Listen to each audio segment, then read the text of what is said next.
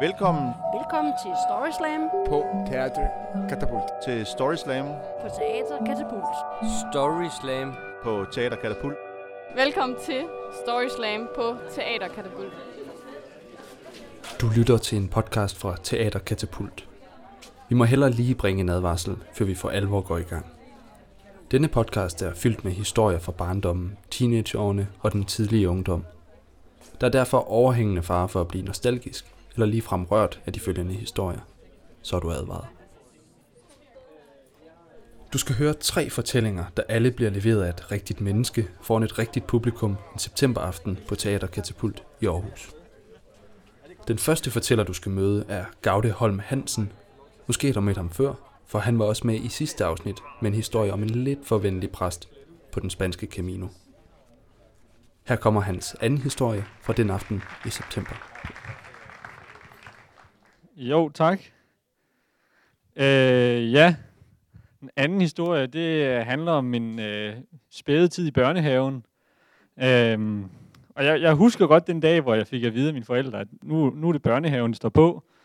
Og jeg tænkte sådan, ja okay, nu har jeg lige vundet mig til mm, dagplejemor, gamle kis og hendes saftevand og det hele. Men øh, okay, så må vi jo se på det børnehave, hvordan det er. Jeg kan huske, at vi kører op ad vejen, og der er stejlt, og det ser stort ud, og hold op, der er mange øh, børn på min alder, og nogen, der også er noget ældre. Øh, og vi kommer ind ad gang, og der lukker sådan en stor låge bagved, med sådan en stor metal. Jeg ved ikke, om I havde dem på jeres også. Der siger sådan, dusch, når døren lukker, som man sådan skal op og åbne, før man kommer ud igen. Den lukker, og vi står derinde, og så kigger vi lidt, og så kommer der en pædagog og siger, er du Gaude Holm Hansen? Ja, det er jeg. Det var et underligt navn. Tak skal du have. Og så er vi i gang med børnehaven. Og jeg, jeg føler mig lidt som øh, en af de almene Ægypter i Ægypten under Moses 10 plager. En af dem, man måske glemmer lidt i den fortælling. Jeg sidder øh, har ikke rigtig gjort noget hen i et hjørne. Jeg er helt alene. Øh, kender lige min mor og far. Og øh, ellers så er der bare plager. Der er, hver gang der er mad, så kommer der bare børn ind, som var de græshopper, der spiser al maden fra snuden af mig. Og jeg sidder helt alene og tænker, nå, det var så den mad, der var der. Og så går jeg ned i, øh, ned i puderummet, hvor der er for evigt mørkt. Der er altid mørkt derinde. Man kan ikke tænde lys eller noget, man kan overhovedet ikke se, hvad der foregår. Lige pludselig får man pude med, med lynlåsen. Hvis jeg kan huske, det er lynlåsen lige i hovedet.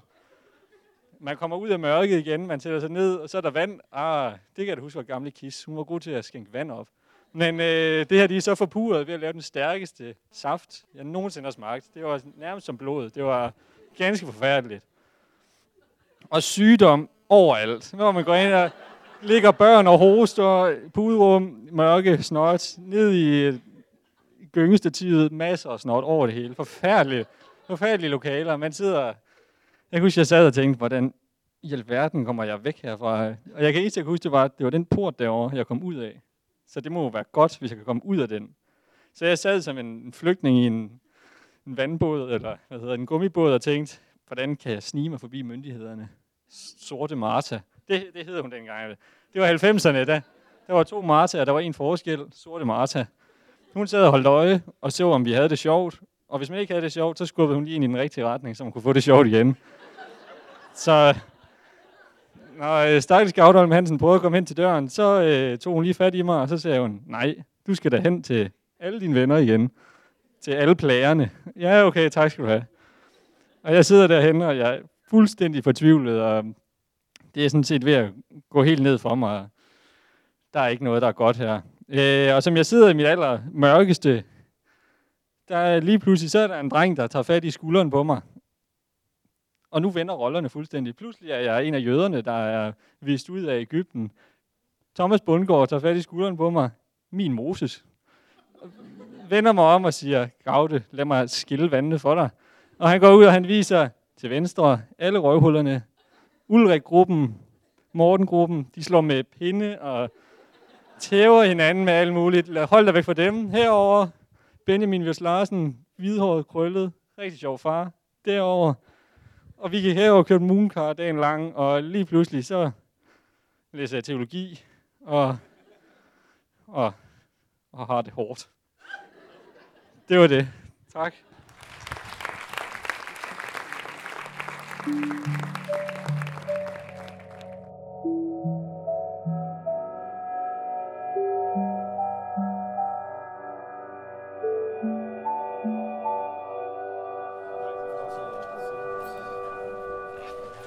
Vi iler videre til Holger Christensen. Han er i dag en grænvoksen mand, men dengang lå han syg i sin seng på sit efterskoleværelse, da en af hans kammerater bankede på døren med en vigtig forspørgsel. Det, der sker, det er som sagt, jeg ligger i min seng. Jeg er egentlig syg. Leif Bukhave hed han, kommer ned til mig. Morsingbo.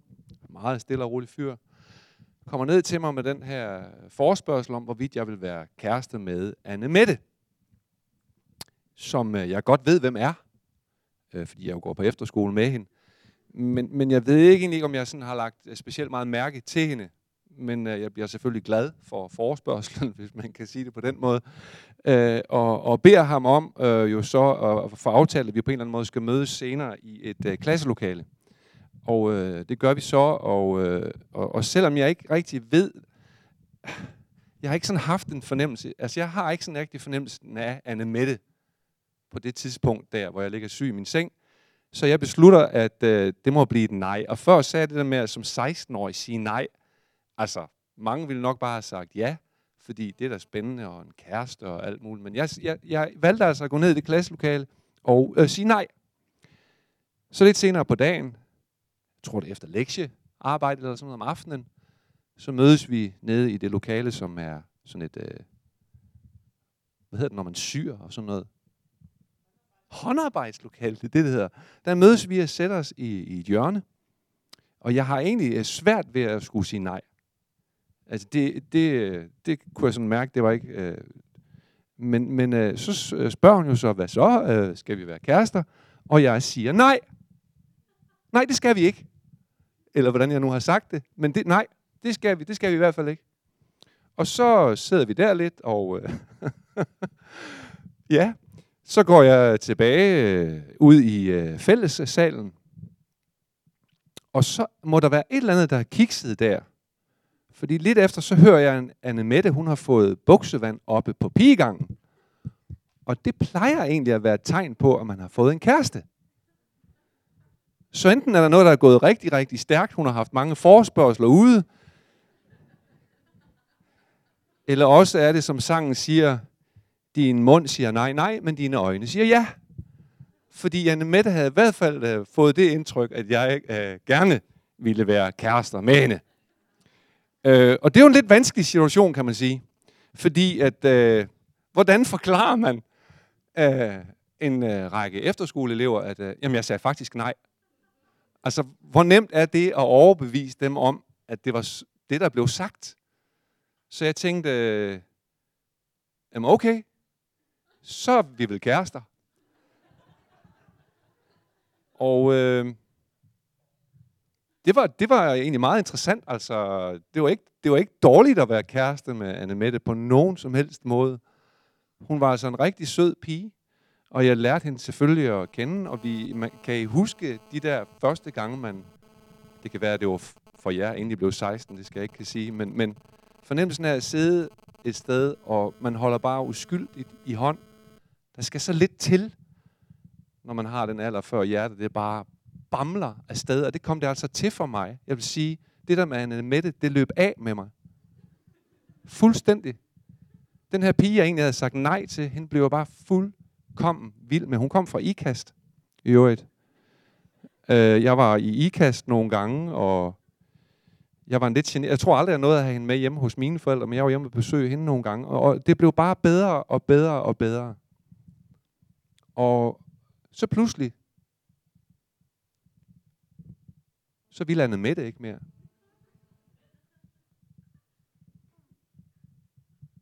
Det synes jeg var irriterende egentlig. Jeg havde vendet mig til hende, og synes hun var dejlig og skøn. Hun var min første rigtige kæreste, og pludselig så ville hun ikke mere. Det var mig, der startede med ikke at ville. Og jeg har aldrig fortalt hende, at jeg egentlig ikke ville fra starten. Mystisk. Jeg tænker, hvis hun hører den her podcast, hvis den bliver til noget, så det kan være, hun tænker, hvad snakker han om, manden? Det var da overhovedet ikke sådan, det foregik. Men uanset hvordan det egentlig foregik, uanset hvad hun tænker, hvad jeg tænker, så er det vel egentlig bare en historie, der fortæller lidt om, hvor godt det også kan være bare at gå med en gang imellem. Det gjorde jeg der, og det er jeg glad for. Så tak til Anna Mette, og tak til jer. Storyslam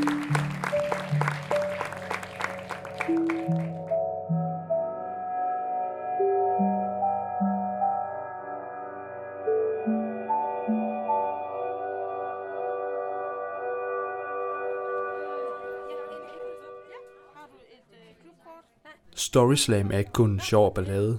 Det er også en konkurrence, hvor publikum vælger, hvilken historiefortæller de bedst kan lide. Til hvert arrangement går også aftens dygtigste deltager, der så går videre til den store finale i december, det såkaldte Grand Slam. Her er der endnu mere på spil, nemlig en rejse til Island for to personer. Præmien er sponsoreret af Kultur Retur, og du kan stadig nå at være med i kampen om at komme til Nordatlanten. Mere om det til sidst i podcasten. For nu skal vi på tur med vores sidste fortæller, Connie Nordholt. Vi skal igen nogle år tilbage i tiden, og så skal vi over grænsen på mere end én forstand. Man ser det for sig. En overskrift i en avis. En hel gymnasieklasse har raseret et hotel i Prag. Eller fuld gymnasieelev faldet ud af et vindue på 8. etage og på mirakuløs måde reddet ved at falde ned i en swimmingpool. Det er sådan nogle ting, der kan få en gymnasielærer til at blive fuldstændig nervøs og rystende angst for at tage ud med en gymnasieklasse på studietur. Men der kan også være andre årsager til det. For eksempel ens egen gymnasietid. Jeg havde næsten fuldstændig fortrængt det, men det kom pludselig til mig dengang jeg gik på Grænsted Gymnasium i 2G og havde Toft som tysklærer. Herr Toft, han var meget interesseret i moderne, eller i hvert fald nyere tysk dramatik, og han var egentlig ret fremsynet, for han synes, at vi skulle ikke bare læse de her dramaer. Nej, vi skulle faktisk ud og opleve dem. Og derfor arrangerede han en tur for seks gymnasieklasser fra Grænsted Gymnasium til Flensborg Teater. Vi skulle ned og se Bertolt Brecht, de heilige Johanna von der Schlachthöfe. Herr Toft boede i Haderslev, så vi skulle bare mødes med ham i Flensborg. Og så stoppede man ellers øh, de her seks gymnasieklasser, alle andengærende og alle tredjegærende, ind i busser og kørte dem til Flensborg. Inden vi tog afsted, så overrakte rektor mig en kæmpe stor brun kulnulut, som jeg skulle aflevere til herr Toft, når jeg mødtes med ham i Flensborg. Man må åbenbart have anset mig for at være en pålidelig person. Vi kommer til Flensborg. Se, man havde planlagt det her sådan, at vi kom til Flensborg klokken 4 om eftermiddagen, og stykket var klokken 8. I Grænsted, og specielt på det her tidspunkt, mellem øh, 68 og 70, der skete der faktisk ikke ret meget. Det var faktisk temmelig kedeligt at være gymnasieelev i Grænsted. Flensborg derimod, det var noget andet. Der var en eller anden, der fik den idé, at vi skulle ud med spritbådene. Det kunne vi sagtens nå inden stykket om aftenen. Og vi blev meget glade af det. Og øh, så var der også lige nogle diskoteker og sådan noget, vi lige kunne nå inden. Og, og øh, så øh, var vi godt bedukket, dengang vi kom ind i Flensborg Teater. Undervejs, der var jeg så blevet forelsket i øh, en fra min ven fra øh, parallelklassen, en der hed Peter. Og da vi kom ind i teatret, så var vi faktisk ikke så optaget af de heilige Johanna von der Schlachthöfe. Nej, vi var faktisk mere optaget af hinanden og vi sad og kyssede og rørte ved hinanden og var meget optaget af det. Det var vi ikke de eneste, der var. Seks gymnasieklasser i teater i Flensborg fylder egentlig ret meget, når man tænker over det.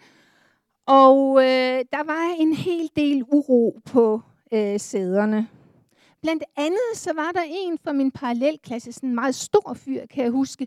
Han sad lidt længere tilbage, og sådan hver gang der kom en ny skuespiller ind på scenen, så råbte han, Jeg er sgu da skide glad med dig. I pausen, så fandt jeg ud af, at jeg havde glemt den store konvolut til herr Toft nede på diskoteket. Så jeg var nødt til at forlade teateret. Det tror jeg ikke, de var særlig kede af på teateret. Øh, og jeg kommer ned på diskoteket, hvor de heldigvis havde gemt den her konvolut. Og jeg kommer tilbage til bussen og sådan noget, men det var der ikke alle, der gjorde. Min veninde kom faktisk ikke med hjem. Øh, hun måtte sådan gå halvdelen af vejen og tage en taxa. Men øh, da vi kom hjem dagen efter, der blev vi skældt ud af vores rektor.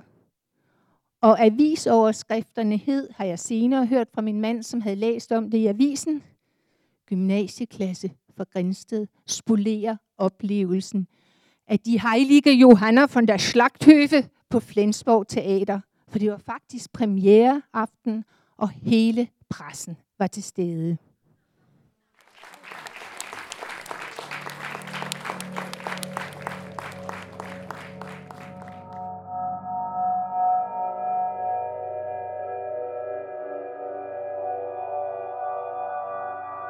Det var alt for nu.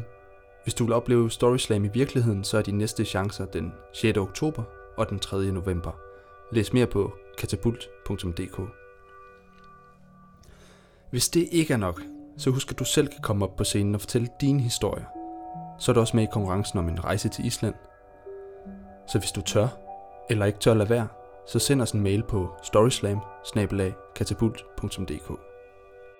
Hvis du vil have flere levende historier, så køb et årskort til Teaterkatapult. For 500 kroner kan du se hele 10 livsbekræftende forestillinger helt gratis. Og samtidig får du rabat på en lang række andre forestillinger og arrangementer på Teaterkatapult i hele sæson 15-16. Tak for denne gang. Vi lader septembers vinder Gaude Holm Hansen runde af med sin improviserede takketale, som han fremførte med en rose og en pakke digestive kicks i den ene hånd og mikrofonen i den anden. Vi høres ved. Øh, jamen altså, hvis jeg kunne spole tiden tilbage, eller tage ind i en tidsmaskine 17 år tilbage, og viske ind i øret på den stakkels dreng, der følte sig som en Ægypter, at det her, det engang giver det dig en blomst og en, en god kiks, så, øh, så vi har gjort det.